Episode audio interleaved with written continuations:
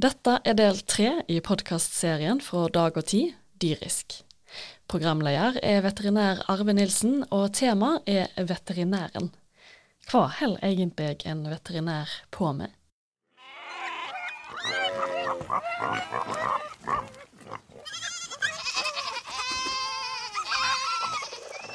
Velkommen til det tredje programmet i Dag og Tid sin podkastserie Dyrisk. Her i studio sitter fremdeles er Arve Nilsen, og som sist er det Sofie Mai Rånes som har det tekniske ansvaret. Serien handler om dyr og veterinærspørsmål, og i dag skal vi snakke om veterinæren og hva veterinærene holder på med. Det er mange aktuelle eksempel på at veterinærfaget er viktig for samfunnet. Ta f.eks. covid-19. Vi har høgpatogene fugleinfluensavirus. Vi har eh, antibiotikaresistente staffelkokker i svinebesetninger. Utbrudd av matbårne infeksjoner. Vi har antibiotikabruk, antibiotikaresistens. Vi har det vi snakka om i forrige episode, fiskeoppdrett, lakselus og dødelighet. Den 30. april var det faktisk den internasjonale veterinærdagen. Og dyr og dyrleger er godt stoff i TV og aviser. Dette må vi se litt nærmere på. Som vanlig har jeg med meg to kunnskapsrike gjester. Den første er du, professor ved Veterinærhøgskolen, Yngvild Vastesson. Velkommen. Takk. Når jeg sier Veterinærhøgskolen, så mener jeg naturligvis Fakultet for veterinærmedisin ved Norges universitet for miljø- og biovitenskap, eller NMBU. Du Ingvild, du har blant mye annet vært rektor ved Veterinærhøgskolen i den tida skolen ennå lå på Adamstua, midt i Oslo. Det stemmer. Mm. Og du har jobba mye av livet ditt på Veterinærhøgskolen. Ja, veldig stor del av livet mitt på Veterinærhøgskolen. Den eh, andre gjesten det er du, Øystein Skjerve. Velkommen. Takk. Du er òg professor ved Veterinærhøgskolen, eller NMBU. Så i dag så tenker jeg at podkastbåten er tungt lasta med både kunnskap og titler. Men før du kom så langt opp i den akademiske næringssida, var du, Øystein, akkurat som jeg, bare en guttunge fra landsbygda. Nærmere bestemt sto på sørenden av Snåsavatnet i Trøndelag. Og jeg stiller det egentlig et eh, enkelt spørsmål til å starte med. Hvorfor vil du bli veterinær? Det var ganske tilfeldig, men uh, min oppvekst uh, var nok sentrert omkring uh, næringsliv som bestod av to elementer. Det var ku og gras. Det merka sånn etter hvert i livet og veldig sånn sementert liksom, med fokusen og det stoltheten som min oppvekst og min oppvekstvilje har i forhold til å drive med dyr. Det var, var melkeku som var det store. da. Det møtte jeg interessant nok veldig sterkt seinere. Jeg jobba eh, forskningsmessig blant afrikanske husdyrnomader. Hva slags status jeg fikk når jeg greide å fortelle at eh, foreldrene mine hadde kyr. Det var stas. Ja. Så det holder litt med meg at jeg var stolt av opprinnelsen min. akkurat at jeg valgte veterinær. Det var nok litt tilfeldig. Enn du da, Yngvild. eh, Hvorfor eh, valgte du å bli veterinær? Du hadde litt annen bakgrunn enn Øystein. En helt annen bakgrunn. Vokste opp på Røa i Oslo hadde to ondulater da jeg var liten. så, eh, og faren min sa jo da jeg kom hjem og postulerte at jeg skulle bli dyrlege, så sa faren min da ja blir du dyrlege noen gang, Yngvild, så skal du jaggu få en sau, sa han. Den dagen jeg fikk min veterinærautorisasjon og kom hjem for å feire med mine foreldre, så sto det en sau i garasjen på Røa. Sånn, huset ligger omtrent midt i Røa-krysset, og den sauen ble selvfølgelig umiddelbart døpt Bærtil. Ok, Hva skjedde med den sauen etterpå? egentlig? Nei, den måtte vi nok levere tilbake. Jeg kunne ikke ha den. Men, eh, så den ble bytta bort til en hundevalp. Men eh, hvor tid var det du begynte på Veterinærhøgskolen? Jeg begynte der i 1979. Og du, Øystein? 77. Ok. Bra. Ja, jeg er jo sjøl veterinær, da, eller dyrlege, og jeg vokste òg opp på en gård med melkekyr. Gris og en god del andre dyr. Og jeg bestemte meg ganske tidlig, allerede i barneskolen, at jeg var dyrlege. Og det, eh, det var jo kudoktor jeg tenkte jeg skulle bli, da, for jeg var liten, og dyrlegen kom på besøk, så han hadde med seg en sånn fremmed og spennende verden, syns jeg. Det var en sånn koffert med Det var sprøyte, det var medisinflaske, det var en sånn her metallboks med blankt operasjonsutstyr oppi. og var, Han hadde en sånn autoritet og en, og en posisjon som var udiskutabel. Og det var jo en mann, ikke sant? Det var kudoktorer, og det var menn. Eh, og jeg tror òg at det var ganske viktig at eh, mora mi var, veldig, eh, var veldig begeistra for dyrlegen og det dyrlegen jobba med. Så det bestemte nok en del for meg. Jeg starta jo litt seinere enn dere. da. Jeg starta i 1984, og det var jo rett før mobiltelefonen, rett før PC-en. Det var jappetid.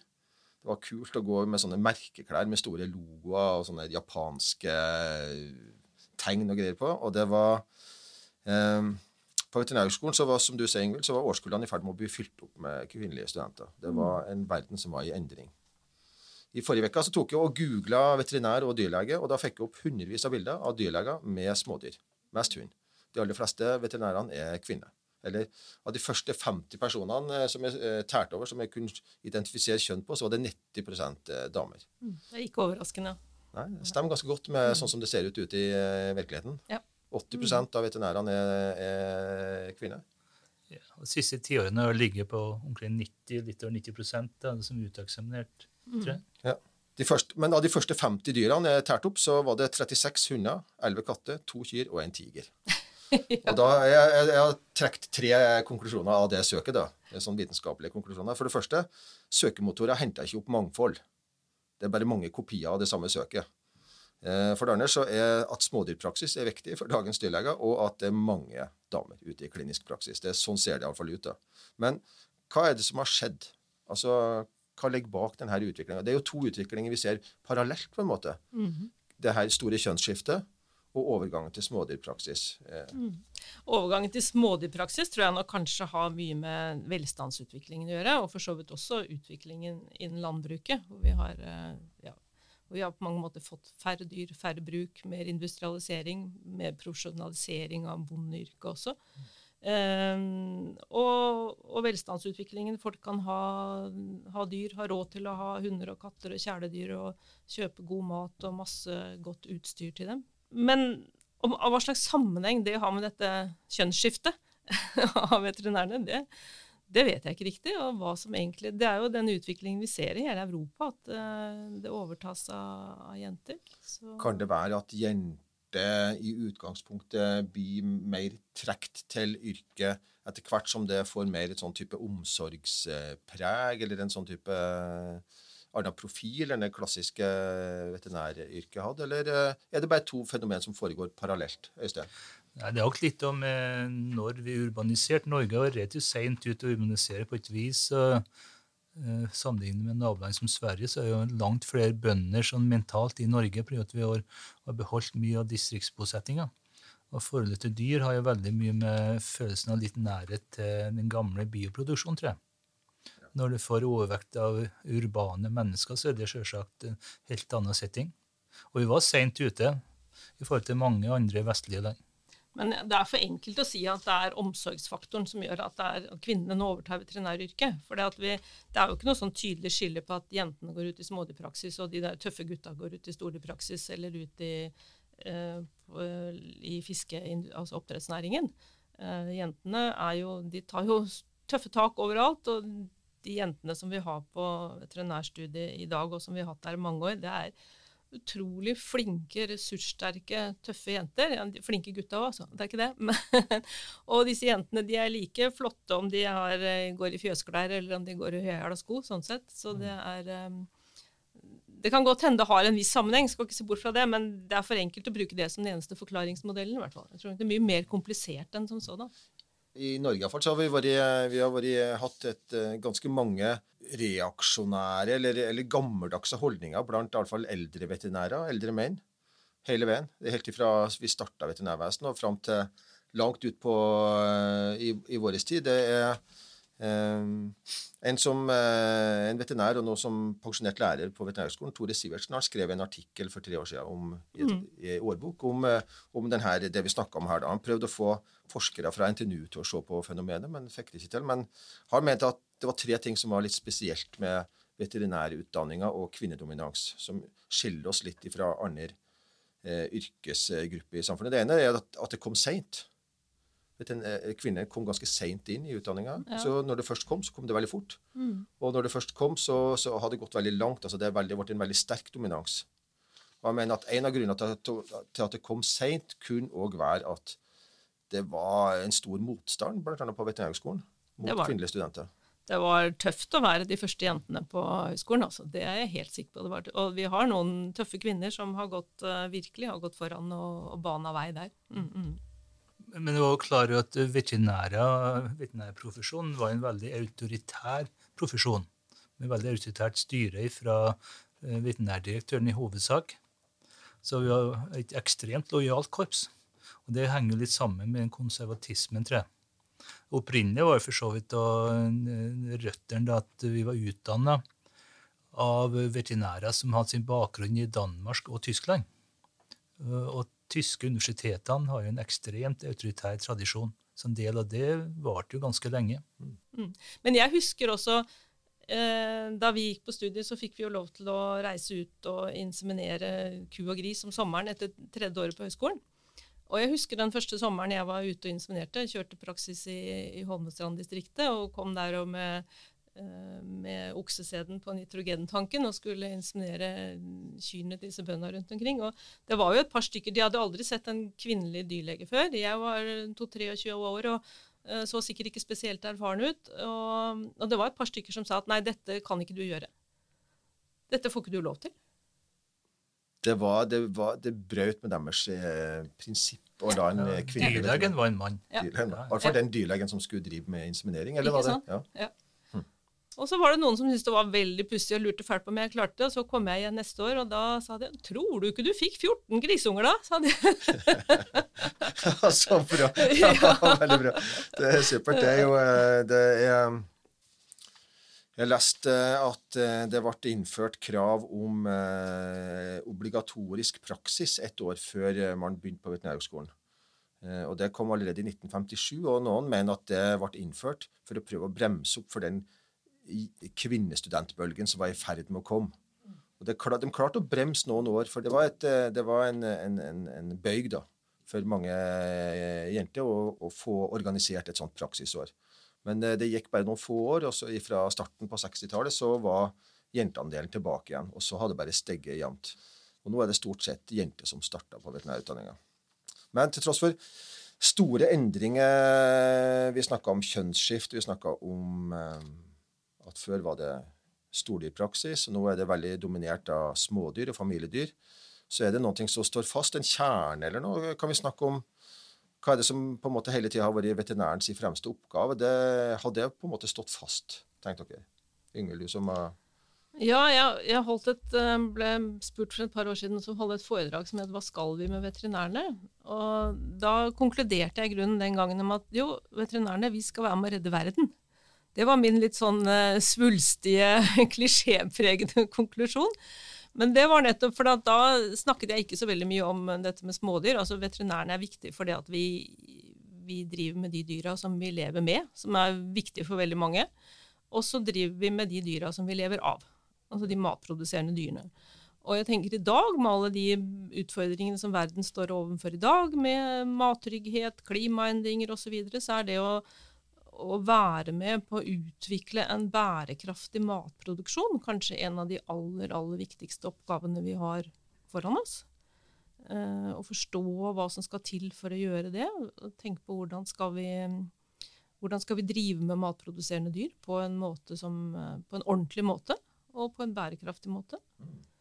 Både her i, i Norge, men også i andre land. Jeg mener jo at vi skal ta et eh, vi har et stort internasjonalt ansvar. altså Norsk laks for eksempel, kommer aldri til å redde verden eller mette verden, men jeg tror den kunnskapen vi har om den næringen og de dyra, er viktig for store deler av verden som kan utvikle næring, og som kan lære av hva vi har gjort bra, hva vi har gjort feil.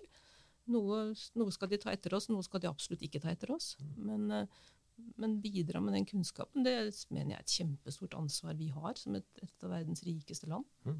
Bærekraftig matproduksjon og, og, og redd verden, det er jo ganske store, store arbeidsområder. Ja, har, du noe, har du følt at du har noe å føye til der, da, Øystein? Ja, jeg leder jo faget veterinær samfunnsmedisin, som er bygd opp de siste årene, og som etter hvert har blitt et litt sentralt fag i veterinærstudiet. Eh, Og det går igjen, altså det prøver jo å bidra til forståelsen av den rollen vi har utover liksom det, det kjernen, altså det kliniske ansvaret vi har for å behandle dyr, og det ansvaret vi har i forhold til samfunnet, inn mot det Yngve snakker om, det med matproduksjon, dyrevelferd, mattrygghet, miljø. Så legger vi veldig vekt på at vi er i posisjon, at eh, vi møter veldig mange dilemmaer i vårt yrke, de som er ute. For eksempel. Eh, Skjæring mellom eh, mattrygghet og dyrevelferd, f.eks. Effektivitet i husdyrproduksjon, dyrevelferd. Eh, Effektivitet, eh, husdyrsykdommer, mattrygghet. Som eh, daglig så vil de fleste i sånne posisjoner komme i sånne dilemmaer. Dilemma har du jo masse av i smådyrpraksis. Det ansvaret du har i forhold til pasienten, i forhold til f.eks. medisinbruk, antibiotikabruk. Så det møter hele tida sin skjærende interesse. Det går igjen når vi diskuterer bl.a. det med profesjonsetikk. Veterinæretikk er jo en sammensatt historie av profesjonsetikk og eh, dyrevelferd. Men når du ser profesjonsetikk, hva, hva legger du i begrepet profesjon her? Altså, Det yrket, det profesjonen vi har, rollen i samfunnet, som betinger at vi da har en forståelse for den rollen vi har, eh, ansvaret vi har, og hva vi skal bidra i forhold til samfunnet. Noe som I det autoritære tradisjonen vi hadde Vi hadde jo monopol veldig lenge på mange posisjoner. Da var det begrensa behov for å forstå samfunnet. Det går igjen mener jeg, når vi ser på veterinærhistorie. Si fram mot at vi mista mange posisjoner ved etablering av Mattilsynet i 2004. Da så vi problemet med at vi i liten grad hadde forstått utviklingen i samfunnet i moderniseringen fra slutten av 80-tallet. Hvordan eh, tenker du at, har, eh, at, vi kan se det? Eller? Spillet ble helt annerledes. Med at uh, mange profesjoner ble uh, etter hvert litt som kasteballer i en politisk prosess i det nye Norge som en del kaller New Public Management. Særlig karakterisert kanskje ved at lærerne ble som kasteballer med kontinuerlige reformer. Og både leger og veterinærer sånn ble rykka litt ned i hierarkiet, med at bl.a. helsedirektøren veterinærdirektøren forsvant som eneveldig konge, nesten. Så du tenker at gjennom den utviklinga så har veterinærene sin rolle og veterinærene sitt ansvar i samfunnet blitt pulverisert eller mindre tydelig? Det er det du kritiserer? Veldig mindre tydelig. Jeg kalte det i boka skrev for deprofesjonalisering. Eh, med at vi bl.a. mista veldig mange posisjoner i samfunnet. Vi hadde jo veterinærdirektør eh, og mange posisjoner i staten.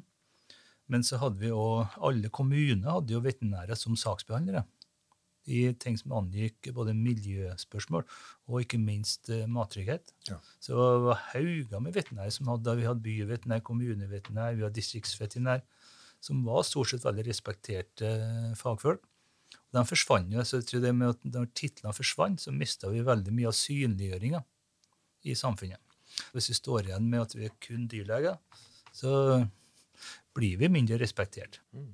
Hvis vi ser litt større på det her med mattrygghet, så eh, mattrygghet er jo et, et, viktig område for veterinærer over hele verden. Og det er jo eh, en plass hvor veterinærer har en hovedrolle, fordi at veterinærer kan noe om både dyrehelse og om smittsomme sykdommer. Og det her med mattrygghet har, eh, sånn som jeg tenkte, det er en basis i to forhold. Det ene er muligheten for overføring av smittsom sykdom fra dyr til menneske, altså det vi kaller for zoonose. Og det andre er selve matproduksjonen, muligheten for matforgiftning og kvaliteten, det her med trygg mat. Mm, og så må du ikke glemme hele, som vi også kan nå om, hele den, det som vi kaller for den kjemiske mattryggheten, altså alle forurensningsstoffene, Nettopp. som også er en del av, av hele dette. Strålevern, vannkvalitet. Ja. Flammehemmere, PCB-er, ja. alt sånt. Men la oss vende litt tilbake til dyrene, tenker jeg, for at uh, det er et tema som jeg liker å snakke veldig mye om. Og jeg tenker at uh, det her med å være veterinær. Jeg bruker ofte å si ja, å redde verden, det, den skal jeg ta med meg. Mm. Den skal jeg ta. Men jeg liker å si at Nok med Europa, da. det er litt vanskelig akkurat nå. Ja, Nord-Norge, kanskje. Mm. Ja. Men eh, jeg bruker å si at å være dyrlege er å være dyrenes advokat, eller å ta vare på dyr. Eh, andre får eh, ta vare på andre ting. Mens min jobb som dyrlege når jeg kommer ut på et oppdrettsanlegg eller en, en, en besetning eller Jeg skal være dyrenes venn og talsperson. Men så må vi jo Hvis vi skal gjøre det, så må vi jo gjøre det på en måte som dyrene sjøl har glede av. Da kommer vi til hvordan vet vi hva dyrene trenger. Du jo, har jo utdanna veterinærer, så det må du jo ha noen tanker om. Ja, nei, Det er jo veldig vanskelig. Jeg syns det kan ta utgangspunkt i, i, Den lille prinsen, som sier at man har ansvar for det man har temmet. Eh, det syns jeg er et fint, uh, fint utgangspunkt. For det at, altså de, de domestiserte dyra, husdyra våre, kjæledyr eller matproduserende dyr, det er jo i hovedsak eh, vårt ansvar som dyrlege og veterinær å ta vare på. Jeg er ikke så veldig glad i det der dyras advokat, men det at det er, ja, det er vi som tar vare på dyra. men det som, vi, som er fort gjort å gjøre feil, er jo det å legge våre følelser umiddelbart, våre opplevelser, over på dyra. Tro at dyra tenker og føler som oss. Eh, det er jo veldig lett å gjøre i forhold til kjæledyra våre, for vi er så nær dem, og vi er så utrolig glad i dem. Um, men, eh, men, men her er det viktig å ha kunnskap, altså. å ha litt sånn objektiv tilnærming til hvordan dyr egentlig har det. Hva er det som er viktig for dyr? Hvordan opplever dyr smerte, f.eks.? Har jo vært et tema som har vært veldig oppdiskutert opp gjennom årene. Og nå mener vi vel og med rett at dyra opplever smerte, men det har jo ikke alltid vært god latin å si at dyr opplever smerte. Så, men, men det å legge den kunnskapen til grunn. Og der har vi dyktige folk rundt, uh, rundt, omkring i verden, og også inkludert Veterinærhøgskolen her i Norge, som har jobba mye med dyrevelferdsspørsmål og fått fram og forsket og fått fram denne kunnskapen. Her har det skjedd mye de siste tiåra. Ja, her har det skjedd masse. Ja, og er, Da jeg gikk på skolen på 1980-tallet, så mener jeg oppriktig og ærlig at vi lærte lite om respekt for dyr. Vi lærte lite om dyrevelferd, og vi lærte så å si ingenting om miljø og bærekraft.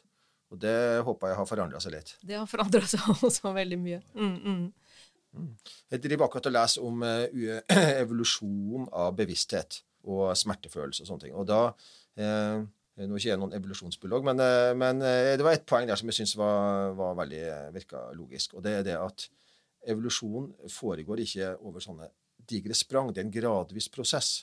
Og den de egenskapene som vi innehar, med bevissthet og smertefølelse og, og opplevelse av oss sjøl som, som, et subjekt, som noe i verden, som opplever verden på en bestemt måte, det har ikke kommet Det har ikke, det ikke dukka opp med mennesket. Dette har kommet gradvis opp gjennom utviklingshistorien. Og de dyrene som vi har rundt oss, de har de her egenskapene på forskjellige nivå. Og er det noen ting som du føler at vi har nok kunnskap om til å kunne håndtere dyr godt, eller er det ting vi må vite mer om? Jeg tror vi har ganske mye mer nå enn det vi hadde for ikke så veldig mange år siden. Men uh, dette er jo et fag som, som må utvikles uh, fortsatt, og som er i en rivende utvikling. Og Det som er problemet, så vi har en sånn såkalt antroposentrisk tilnærming. Det vil si at vi tenker mennesker for Utgangspunkt i oss, ja. nødvendigvis sansemessig. da. Også det å få innblikk i andres følelser og emosjoner er jo ille nok på mennesket. Og klart Vi er fanga i systemet at vi vurderer tegn fra dyr som vi ikke kjenner til. Og det tror jeg evolusjonshistorie har litt å lære oss. Altså, eksempelvis vil jo dyr ha forskjellige strategier i forhold til fiender. Altså En hest, en okse og sånn vil jo kunne forsvare seg og flokken. Mm. En sau kan ikke det. Så en sau kan ha kanskje situasjonen situasjon der den er helt vettskremt men må skjule seg i flokken ved å ikke vise tegn på angst. Akkurat som eh, hvis dere har sett uh, filmen av geparder som jakter på små antiloper. Hele spillet går ut på at geparden kun går på løpende vilt. og Antilopen skal stå der tilsynelatende helt uaffisert inntil geparden er så nært at én springer. Og den som da greier ikke springe, den berger livet. Vi hadde et fag som heter etiologi, husker jeg. Eh, og vi hadde en som har forska mye på det, på pelsdyr bl.a., eh, som underviste. Men, eh, men, veien videre til å, å, å bruke dette nå, det synes jeg, den ble vi ikke tatt med på. Nei. Du var, var, ikke trena i det, og du var ikke trena til å komme til en, til en husdyrbesetning, til en gård, diskutere dette med bonden, hvordan har dyra det. Men, men, det er nok sånn mye bedre trent på i dag. Uh, og det er kjempeviktig. og selv om vi er opptatt av dyra, så naturlig nok, så har jo disse dyra en eier. Og vi er jo avhengig av kommunikasjon med den eieren, om det er en katt eller et marsvin, eller om det er en ku eller en gris eller hva som helst, for, også, for å komme til disse dyra og vite noe om dem og kunne gjøre noe med dem. Så, så menneskefaktoren er ganske viktig oppi her. Vi, vi som starter på veterinær, eller blir veterinærer og starter på dette studiet, gjør gjerne det fordi vi er glad i dyr. men det er ganske viktig at vi også er glad i mennesker.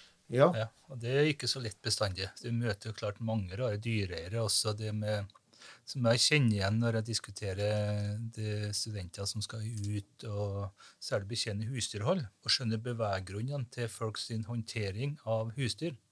Eh, blant de økonomiske spillereglene. Du kan komme med et godt råd, og så sier ikke gårdbruker ja, men det koster meg 400 000, så jeg hører ikke på det. Hva gjør du da, liksom? Og da må du kjenne økonomiske spillereglene. og Det går over på de andre rollene. Vi, vi jobber altså eh, Det kan si dessverre en del er glad for vi jobber innenfor en bioproduksjon med masse dilemmaer. Og den er ganske krevende å håndtere og krever en del fartstid før du greier å kommunisere på riktig måte hvis du har liksom ditt utgangspunkt dyrenes advokat. Det tar tid å bli flink nok og innsyn nok til at du faktisk kan påvirke.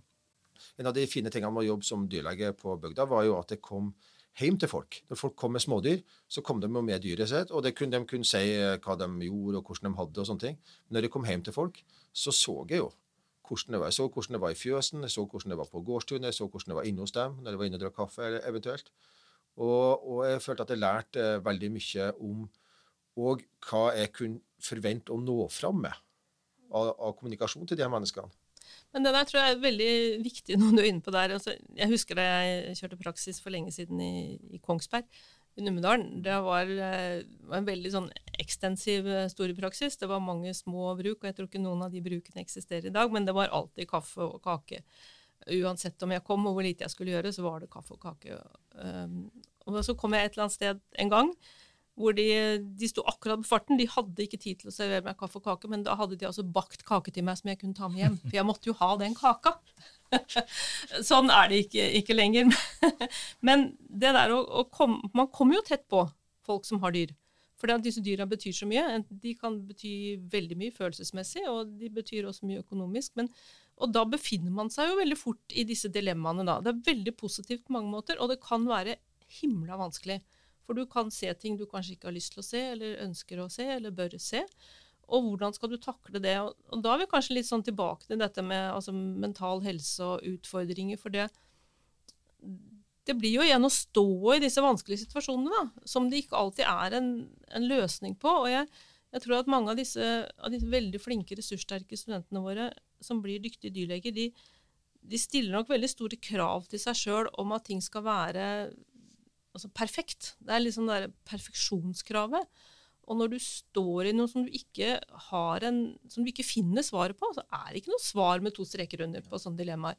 Og det å, å greie å, å, stå i det uten liksom å miste deg sjøl helt, det er ganske krevende. Og, og det klart Dess yngre og ferskere du er, dess mer krevende er det. Jeg syns det var den verste delen ja. av å være dyrlege når du kom ut som nyutdannet. Det var utover det en del sånn akuttmedisinske ting som jeg syns var utafor min kompetanse, så var det det å håndtere folk på den mm. måten. Det er én type tema som alltid slår tungt inn i media, hvor dyr og veterinærer er involvert, og det er dyretragedier. Mm. Eh, og da er vi inne litt på det du snakka om, Øystein. Eh, den koblinga mellom eh, Ja, det er jo psykologi, og det er ensomhet, og det er, det er ofte sosiale tragedier som ligger bak. Og forbløffende lite tilsyn òg med noen av de dyrebesetningene. Og en tenker at kanskje vi, det her med å få på plass dyrevelferdsprotokoller og regelmessige besøk av veterinær i alle dyrehold og kunne være en måte å å bedre folkehelsa på? Eh, kan man tenke sånn? Det kan jo argumenteres, men det er lang vei å gå. men eh, Ja, på et vis, men det er jo ikke en ganske diffus uh, materie. Men det som er interessant å se, akkurat det med kontinuerlige jobbing for til dyrevelferd og kanskje hygiene Vi glemmer jo alle de andre gruppene. For eksempel hvis du går en del år tilbake, da tida da jeg var født Hygiene i fjøset, hvem var det som skjerp, fikk skjerpa det? Meieribesyrerne. For da enda mens kvinnfolkene dominerte fjøset som melkerne. Så det å få diplom fra meieribestyreren kom en gang i året med hvit frakk, og ikke gjennom fjøset. Og han så på hygiene, dyreverd, hvordan dyrene så ut. Så var en av de få hedersdiplomene som kvinner kunne få, det at de eh, gjorde en god jobb med hygiene og, og stell i fjøset. Mora mi ble så fornærma. De fikk en plakett fra meieriet, Sør-Helgeland meieri, for levering av eh, høykvalitetsmelk over en tidsperiode. Og så sto det 'til Egil Nilsen'. Ikke sant? Og, og, hun ble så fornærma.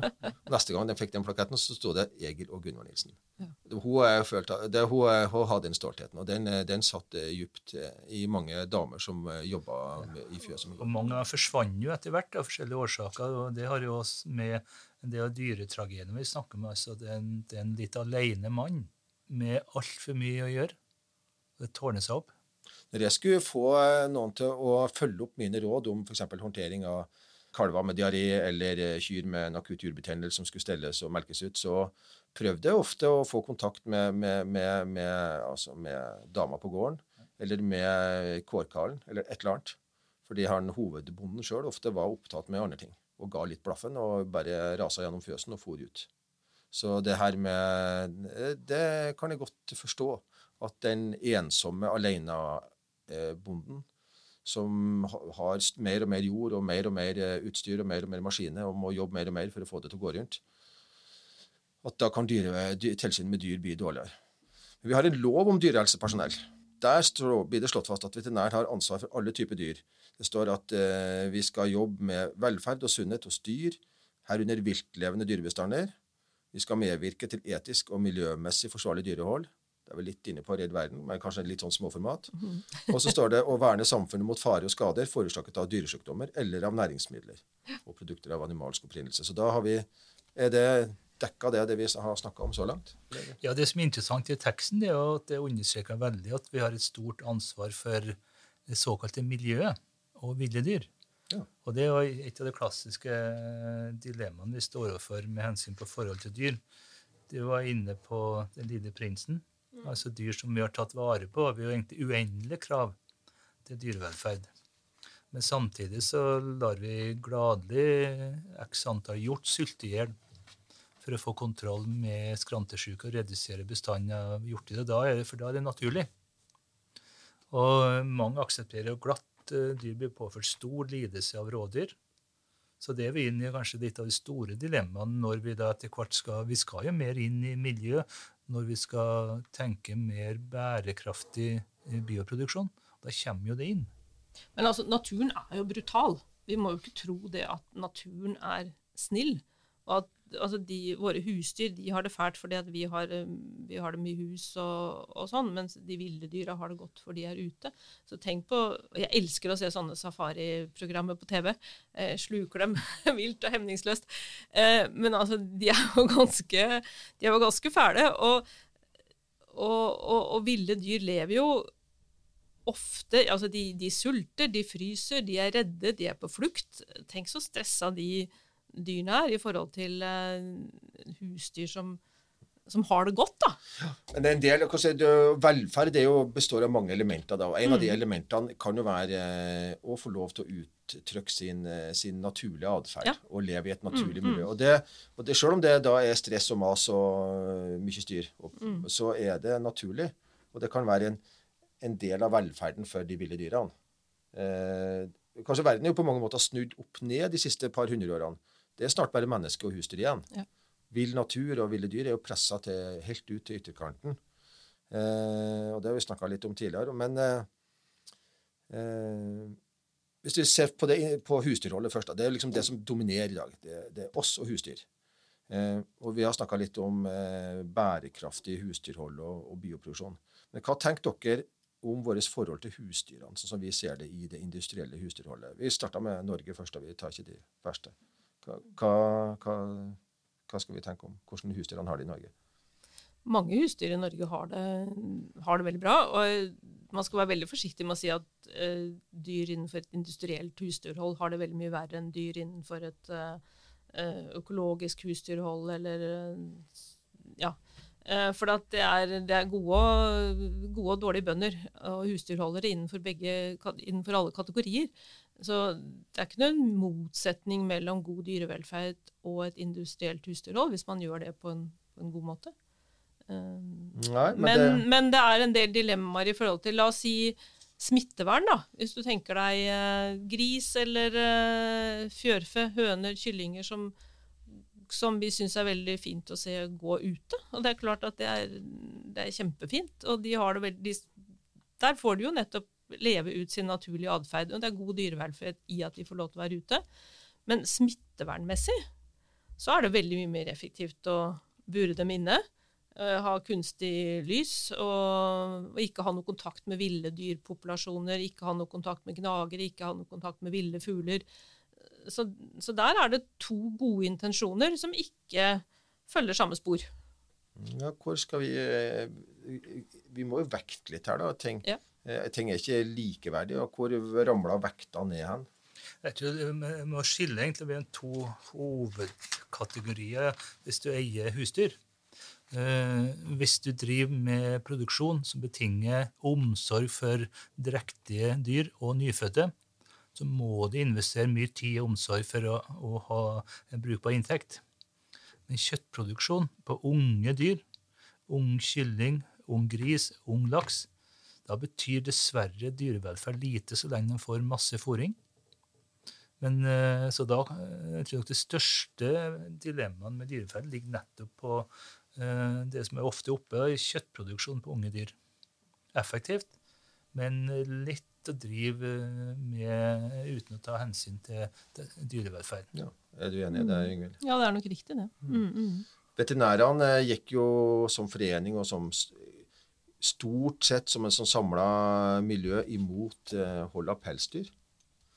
Eh, og det ble jo avvikla. Det var mye diskusjoner rundt det. Men mm. Veterinærforeninga var ganske tydelig. De mente at å holde eh, den typen rovdyr inne på, i sånne små nettingbur var ikke forenlig med god velferd. Nei. Selv om det var mange veterinærer som jobba med pelsdyr, og som mente at det her var greit. Men hvis vi ser på miljø og hensyn til, til, til det, vi, det med sirkulær økonomi, så kan vi kanskje tenke på en annen måte? Øystein? Ja, det er jo det som vi får nå. vet du, Vi kjenner til at både vi og EU er en motor der er i ferd med å omdefinere rammene for hele landbruket og husdyrhold i retning bærekraft. Og der er bl.a. det med det sirkulære økonomien, og, som er veldig viktig. At du da kan bruke ressurser, om det er mat ting som blir kastet eller andre ting. Men, og pels er et glimrende eksempel på en økologisk bruk av ressurser fra slaktedyr. Vi brukte jo slakteavfall til å fôre pelsdyr med. Eh, ting som etter hvert har blitt et problem faktisk å håndtere. Vi har eksportert en god del også. Vi har etter hvert greid å gi en god del til hund, hundefôr. Men det er klart det var en veldig fornuftig sånn økologisk produksjon hvis du tar det isolerte. Men det trumfa jo dyrevelferd, eh, og det var nok riktig. Jeg syns det er kjempebra at Veterinærforeningen tok standpunkt, og tar standpunkt i en del sånne kontroversielle saker. Det var jo selvfølgelig også det standpunktet følte vel til at det var noen som meldte seg ut av foreningen. Om ikke det var så skremmende mange, så var det nok noen som var veldig sinte på det vedtaket òg. Men altså, det må man jo som, som, en stor forening som har mange medlemmer, tåle. Ja. Men uh, jeg syns det er riktig at vi, og vi som veterinærer, kunne godt hatt mye flere standpunkt i en del uh, kontroversielle saker når det gjelder å, nettopp det der å være den da som tar vare på dyra, og tale dyras uh, sak, egentlig. Ja, for det har jeg tenkt på i forbindelse med denne eh, diskusjonen som vi skulle ha. Det er, er vi som veterinærer er vi, er vi nok aktive for å være i front i kampen for dyrehelse og dyrevelferd? Og, eller for å vekte dyrehelse og dyrevelferd godt nok i de dilemmasituasjonene som vi snakker om. For det, dyrehelse og velferd kan ikke bety alt hele tida, men det skal ha ei god vekting. Jeg tror betingelsen i hvert fall mye når jeg underviser, legger mye vekt på dilemmaene og presenterer det. Det virker ikke som veterinærstudent har noe problem med å forholde seg til dilemma og veie. For det er ikke sånn at du kan si at du skal kun uh, jobbe med dyrevelferd hvis du går ut i f.eks. produksjonsveterinær eller spådyrpraktiker. Det er flere hensyn å ta. Og de er ganske bevisst på det og syns det er interessant å diskutere det. Men det er vanskelige valg. Pelsdyr Pelsdyrforbud eh, var jo et sånn grunnleggende dilemma. Det, er kanskje konklusjonen var enkel. Det er mange dilemmaer som er vanskelige, og da må man i hvert fall problematisere litt. I oppdrettsnæringa, som jeg kjenner godt til, så, så når jeg snakka med mine kollegaer der, så står de oppe i veldig tunge dilemmaer veldig ofte. Og det mm. går på f.eks. en fisk som er litt Fiskegruppe som er litt sjuk, skal den behandles mot lus? Skal den ikke behandles? Skal du, eh, på hvilken måte skal du gjøre det? Eh, skal du se at her er dyrevel dyrevelferden så trua at eh, Ja, hva da? Hva kan du gjøre? Du kan avlive alt i hop. Det er jo til eh, voldsomme kostnader. så Det er jo mm. helt umulig. sånn at... uh, Men hvem diskuterer du med eh, i et ja. sånt dilemma? Det er det som er interessant. Jeg tror ikke du kan... Ja, Hvem den veterinæren diskuterer med. Det er det du mm. tenker. Ja. Jeg tror ikke du kan forlange at det er nødvendigvis den veterinæren som står på mærekanten aleine, eller som står i et fjøs aleine, eller noe sånt, som skal ta de store spørsmålene. Men eh, Veterinærforeningen kan å ta diskusjonene, og kan godt si at vi som fagmiljø på Veterinærhøgskolen burde tatt mer av disse, ledet an mer, i mer av disse diskusjonene, kommet fram med, med kunnskap og faktakunnskap. og og Det er ikke sikkert at vi nødvendigvis skal komme fram til et felles standpunkt. Det er ikke sikkert det er målet, men det er jo nettopp det å løfte kunnskapen og løfte diskusjonen. da. Mm. Det kan godt hende at, at det at det kan være en tilbakemelding til Veterinærhøgskolen, at vi bør være mer aktive i den debatten. Mm. For, det, er ikke sånn at uh, kunnskap nødvendigvis fører til konsensus.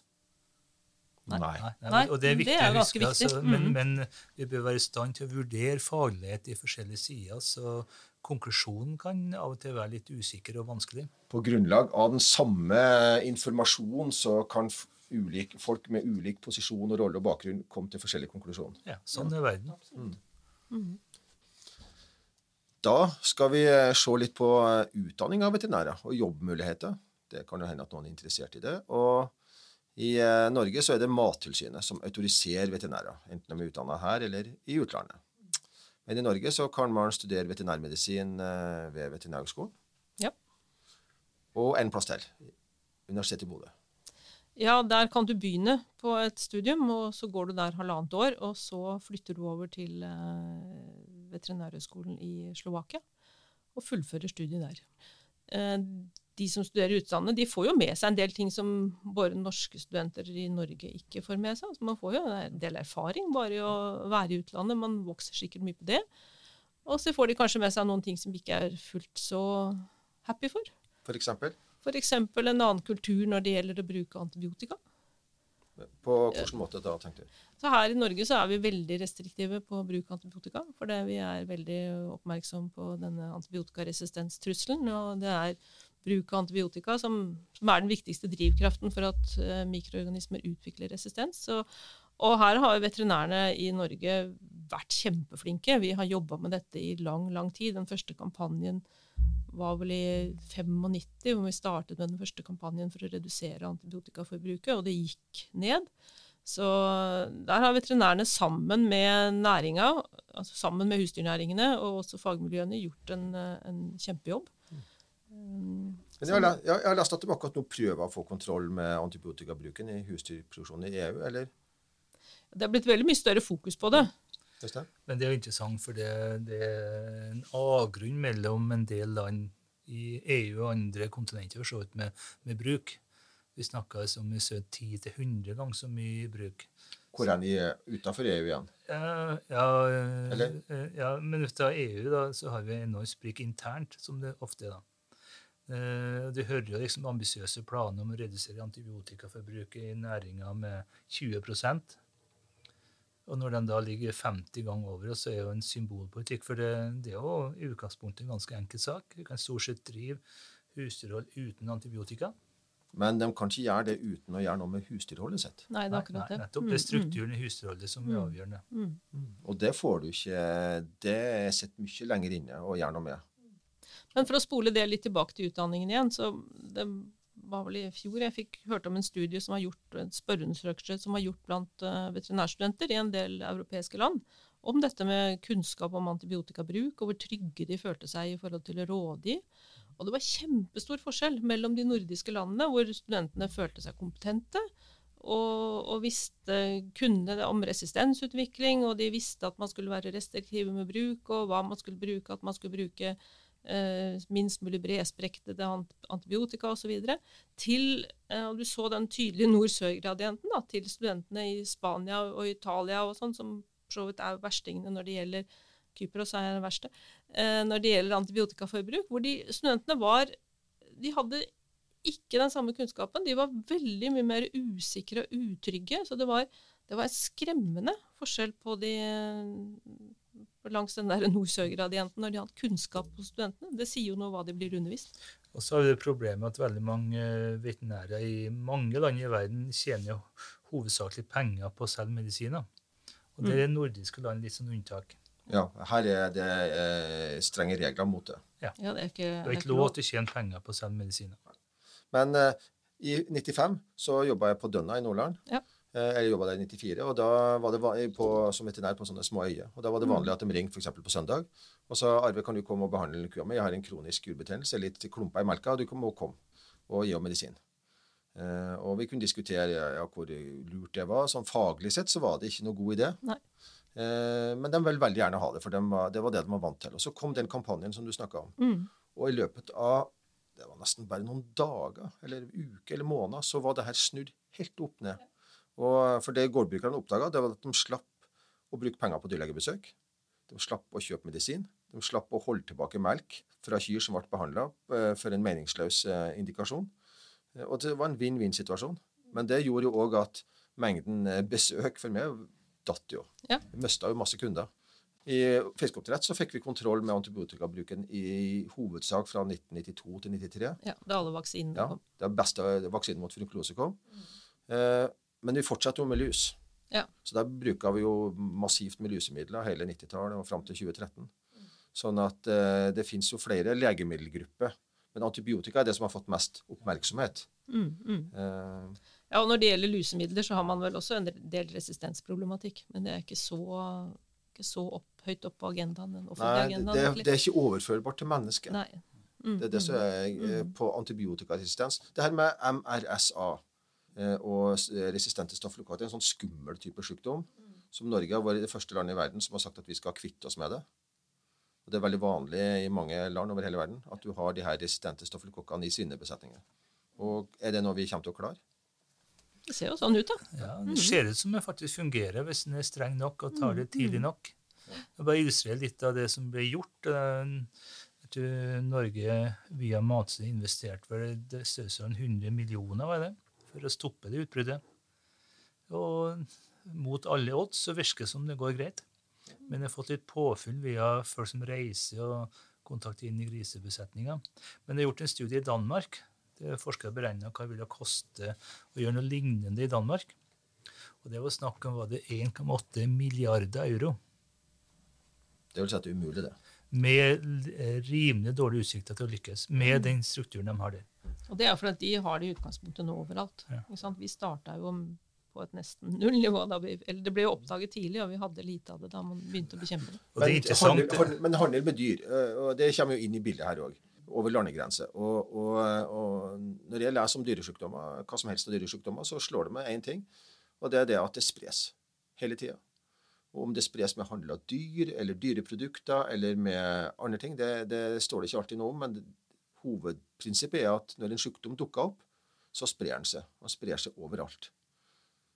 Eh, Og det ser ut som det er umulig å få, det, å få snudd på det her, Øystein. Det her har du jobba mye med. En del sykdommer er jo lett å kontrollere, en del er vanskelig, og det er særlig de som da kanskje spres via insekter og andre såkalte vektorer.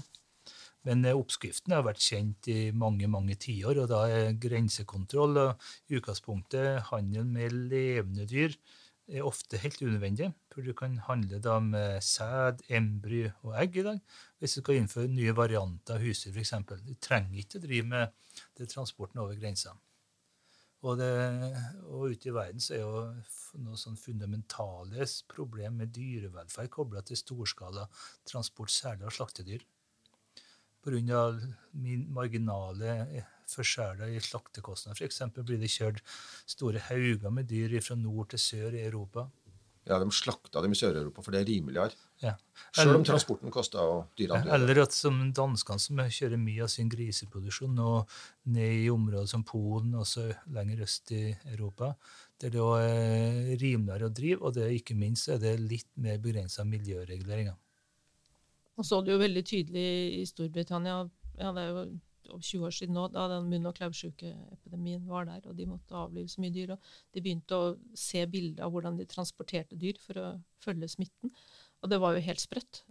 På kryss og tvers over hele Storbritannia. Og så kjørte de jo dyr opp til eh, Skottland og hadde dem 14 dager på beite der og kunne selge det som sånn høylandsfe. Eller altså ikke den rasen, men som, som dyr som hadde gått på fjellet da, og beita. Uh, liksom helt sånn helt sprøtt. Altså. Ja. Det skal være jo én en ting, altså Vi har jo eh, en næring som har tatt veldig stort ansvar. Både for dyrevelferd, og, men ikke minst det med grensetrafikk og import. Så de store næringene, sånn som storfe og gris, har jo stålkontroll over importen. Du tenker på i Norge? Ja. ja. Men eh, parallelt med det så har det nok utvikla driftsformer der bøndene av økonomiske årsaker er veldig avhengig av å ha fulle fjøs. Så det er en betydelig trafikk med storfe internt i Norge. Som gjør oss mer sårbare hvis vi først får en introduksjon fra andre land. Så det er et dilemma, altså. Når vi er inne på det her, det her er store og vanskelige tema, og internasjonalt. Eh, vi skal ned til noe som er veldig vanskelig, men mer et lokalt eh, studie som er gjort. og det er vi har snakka mye i dag om, eh, om dilemmasituasjoner og krysspress, og det, at det kan være vanskelig å være veterinær. og det, eh, det er et beklagelig faktum at mange veterinærer sliter med den psykiske helsa si. Det er ei stipendiat som heter Helene Seljenes Dalum ved Universitetet i Oslo, som nettopp har publisert en veldig tankevekkende studie synes jeg, om psykisk helse. Og Det hun skriver der, det er at det virker for meg som voldsomt høye tall, men det er 26% av dyrlegene i Norge hadde det siste året opplevd at livet ikke var verdt å leve. 5% hadde alvorlige selvmordstanker, og 0,2% har prøvd å ta sitt eget liv. Eh, og dette er langt mer alvorlige tall enn sammenlignbare tall her i landet, da, mellom f.eks. på leger eller politi, andre som har eh, vriene og utsatte jobber. Men det er på samme nivå som studier av veterinær eh, mental helse i andre land det hun, eh, Helene skriver, eller det som de da skriver i den artikkelen, er jo at, at det er verst, ser ut til å være verst for kvinnelige veterinærer. Og, og litt utypisk så det er flere selvmordsforsøk blant kvinnelige veterinærer enn blant de mannlige i denne studien. da. Det på en måte går, tar hardest på dem. og Det er òg innenfor smådyrpraksis at det ser ut til at det er verst. Vi har vært inne på noen sånne dilemmaer. Kan, dere, kan vi tenke at det er de her dilemmaene som du står oppe i, i jobben, som virkelig tar så hardt på? Altså, det kan jo være det at, som jeg snakket om tidligere, at, at man kanskje står mye aleine eh, og møter mange vanskelige problemstillinger. og Du møter folk som står i en, eh, en vanskelig situasjon. Eh, de fleste dyrlegene er jo veldig ansvarsfulle. Vi har snakket mye om å ta ansvar i dag, og opplever kanskje at de ikke strekker til å ta det ansvaret både for for folkedyr. Da. Håndterer det, må håndtere det aleine. Samtidig som de er jo veldig eksponert, selvfølgelig gjennom sosiale medier og, og, alt. Og alt de gjør, blir jo sikkert kommentert og eksponert. Og det, det tror jeg er tøft å stå i, altså. Mm. Så har du realiteten at du har fått tilbud om selvsagt veldig kostbar behandling som, og diagnostikk som en valg du står overfor når du jobber i klinikk og så anbefale det i forhold til å slutte behandling eller ikke gjøre noe, og også da gå om bord i en avlivingsdiskusjon. En forferdelig vanskelig diskusjon for dyra, men ikke minst til familiene og sånn som er involvert. da. Mm. Familier kommer med sine barn på klinikken med dyret sitt, og så spørsmålet har vi råd til det, pappa, liksom. Ja. Et forslag som artikkelforfatterne ser, da, det er at kanskje veterinærutdanninga ikke er veldig god på kommunikasjon og konflikthåndteringsredskaper. Eh, det å føle seg alene, og, og, og, du har ingen å stole på, ingen du kan egentlig snakke med deg om, verken på jobb eller hjemme, da, da blir det tungt. Veterinærutdannelsen er jo, er jo, veldig sånn kunnskapsorientert og faktaorientert. Altså det er enormt mye kunnskap som man skal lære i løpet av de fem og et halvt årene det et studie tar. Sånn at så veldig mye trening i disse myke uh, soft skills, som vi kaller det, uh, det blir det jo ikke rom for. Det, man, i hvert fall ikke noe mengdetrening. Og så Man skal, skal, behandle dette temaet med stor respekt og, og varsomhet, men kan jo spekulere i om altså For dyrleger så er én løsning på et problem er avlivning. Um, du tenker altså pasienten? Ja, ja tenk ja. pasienten. Um, på et eller annet tidspunkt, så folk som kommer med et alvorlig sykt dyr, så er man selvfølgelig så er avlivning et, et utfall. Uh, og at, at, dyrleger kan kanskje se på det å ta sitt eget liv som en Fordi man har det på mange måter er trent på at ja, det å ta et liv er et, er en, er et utfall. da. At man også kan overføre det til seg selv, det er jo ekstremt, men uh, jeg vet ikke. Ja, man jobber med liv og død? Ja, man jobber med liv og død og mm. står mm. midt oppi det. Mm. Så da kan vi, da, for å komme eh, helt til bunnens her nå på slutten, så tilbake til det med å redde verden, da, Ingvild.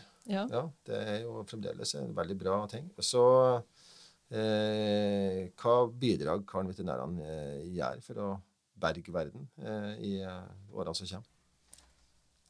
Et stort spørsmål. Ja. Um, jeg tror at det Altså, det å være som trygt rota i vitenskapen og i kunnskapen, i kunnskapsutviklingen, der må vi være. Og så må vi ha Så må vi samtidig kunne jobbe med andre, som vi vil være helt avhengig av, og ha den, som jeg var inne på, den respekten for andre. Eh, og det er kanskje noe man først kan ha hvis man er i utgangspunktet veldig trygg på seg sjøl og sitt hva man kan sjøl. Eh, så det er et sånn ønske om å bidra, tenker jeg er ganske viktig. Eh, enten det er innenfor ja, ulike sektorer, men, men jeg vil framheve igjen dette med altså, bærekraftig matproduksjon. Skal vi, skal vi redde verden, så må vi finne en måte. Hvordan skal vi hvordan skal vi forsyne verdens voksne befolkning med mat, og samtidig ta vare på denne planeten vår? Det er, det er en bra utfordring. Øystein, er du enig? Ja, det er litt det samme. for liksom Noen lukka profesjoner og yrkesgrupper med privilegier har jo en god historie å snakke nedsettende om andre. Det er en del av det å være eliten. Ja, de andre er jo så dumme. Mm. Og det går nok igjen. Men det ser vi jo litt internt i Veterinærforeningen, at det er litt sånn riving mellom de som driver med hest og smådyr, produksjonsdyr og mattrygghet. Mm. Det har vært litt sånn at eh, de andre, de hestefolk er jo, hesteveterinær er jo litt dum, og omvendt og hesteveterinær syns at folk som drev med mat, var dum. Så vi har jo ikke vært noe veldig sjenerøse internt, syns jeg. Nei. Og det er kanskje litt der det ligger å være trygg nok til at du kan være sjenerøs, som Ingvild snakker om. Mm.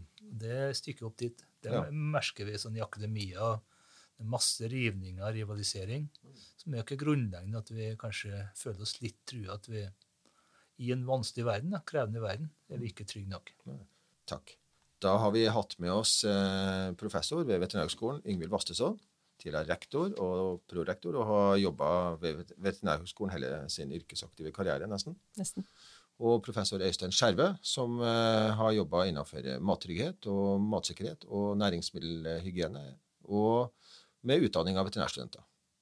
Eh, og vi har snakka om hva en veterinær er, og hva veterinærene holder på med. Da sier vi takk for oss i denne omgang.